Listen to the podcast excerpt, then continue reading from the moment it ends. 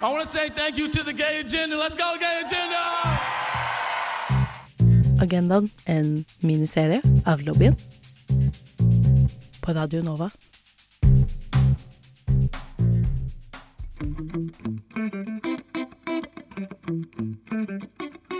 I dagens musikklandskap finner vi flere flinke skeive artister. Det finnes flere åpne skeive artister som har gjort stor suksess, eksempelvis Phoebe Bridgers, Janelle Monet, Muna og Lil Nas X. Men hva regnes som skeiv musikk? Sangtekster som er eksplisitt skeive, er det jo ingen tvil om faller under denne kategorien, men mange vil argumentere for at det er flere måter musikk kan framstå skeiv på. Sjanger, estetikk, subtekst og kontekst er alt aspekter som kan være med på å forme musikk i en skeiv retning. Jeg heter Nore, og i dagens episode av Agendaen skal jeg anbefale ei gruppe som opererer innenfor ei slik retning. Og det er bandet The B-52s.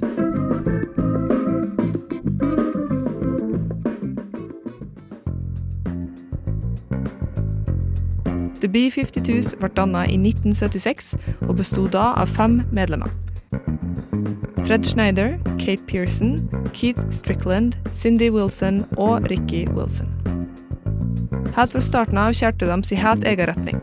Eksperimentell musikkstil, snåle tekster, fargesprakende kostymer og enorme parykker.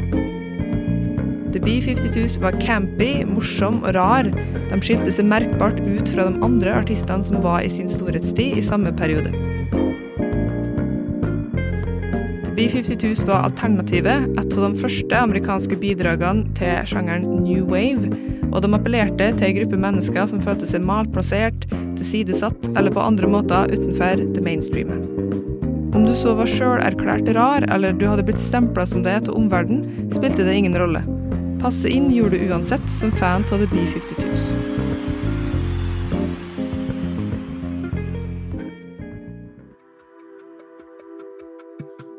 Av fem medlemmer er fire av dem skeive, og det skjeve ved musikken de lagde, var hele tida implisitt, en del av ryggmargen til bandet. I et intervju bemerka Keith Strickland at de ikke opplevde å få spørsmål om skjevheten sin før utpå 90-tallet. Han sa videre It was almost more subversive that we didn't talk about it. We were just trying to be ourselves. Being gay was just part of it. Like fullt lekte gruppa seg med det skjeve som kunne leses mellom linjene i tekstene til sanger som f.eks. Rock Lobster og 6060-842.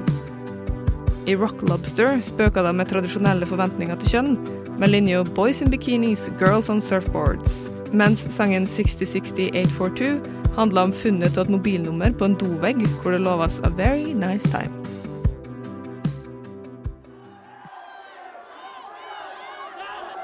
Det politiske klimaet i USA på slutten av 1970-tallet og videre utover 80-tallet var anspent.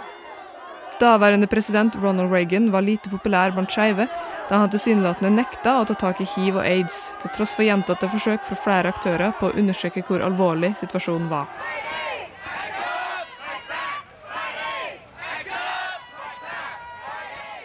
I 1985 gikk Ricky Wilson bort av aids-relatert kreft, som er en av de første mer kjente dødsfallene knytta til sykdommen. Rickys bortgang satte en støkk i bandet, han var sett på som en av gruppas grunnpilarer. De resterende medlemmene måtte ta stilling til hvordan bandet kunne se ut uten han, eller om de i det hele tatt ønska å fortsette uten Ricky. Det skulle ta fire år før de ga ut ny musikk, men i 1989 kom deres sjette album ut, Cosmic Thing. Dette albumet inneholdt det som skulle bli bandets største hit noensinne, nemlig Love Shack. Love Shack er en herlig, artig, oppløftende, tullete sang det er lett å bli revet med av.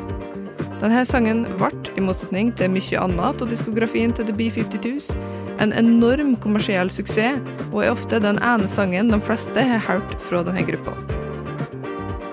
I musikkvideoen til sangen følger vi bandmedlemmene til ei hytte eller et feriehus til noe slag, hvor det foregår en vill fest med gjester av forskjellig alder, etnisitet og legning. Spesielt én gjest skilles ut, og det er RuPaul's Charles, som var en velkjent figur i datidens klubbscene i Georgia.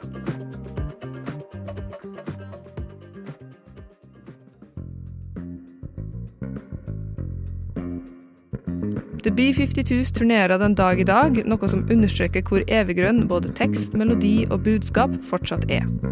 sjøl nesten 50 år etter bandets opprinnelse. Personlig er jeg veldig glad i denne gruppa og kunne nesten ha anbefalt hele diskografien, men jeg har plukka ut tre sanger som jeg mener utmerker seg. Den første er Love Shack. Love Shack er en bra plass å starte hvis man aldri har hørt noe av The B-52s før. Den er som nevnt gruppas aller mest kjente sang, og det her er med god grunn. Det skal godt gjøres å ikke bli i litt bedre humør etter å ha hørt på denne sangen. Den andre sangen jeg har valgt, det er Private Idaho, og den er fra gruppas tredje album, Wild Planet. Sangen baserer seg mye på ordspillet mellom state, som i en stat, og state, som i en sinnstilstand. I teksten blir noen anklaga for å leve i sin egen verden, hvor alt på utsida oppleves som skummelt eller farlig. Private Idaho greier å være både psykedelisk og fengende samtidig, og pga. dette så er den en sterk anbefaling. Den tredje sangen ut er Rome. Rome er òg fra albumet Cosmic Thing, men har ei litt annen stemning enn Love Shack. Mens Love Shack er energisk, sprudlende og utprega dansbar, er Rome mer nedpå, nesten litt inspirerende. Rome, eller Streif som det blir på norsk, er budskapet etter sangen. Utforsk hva verden har å by på.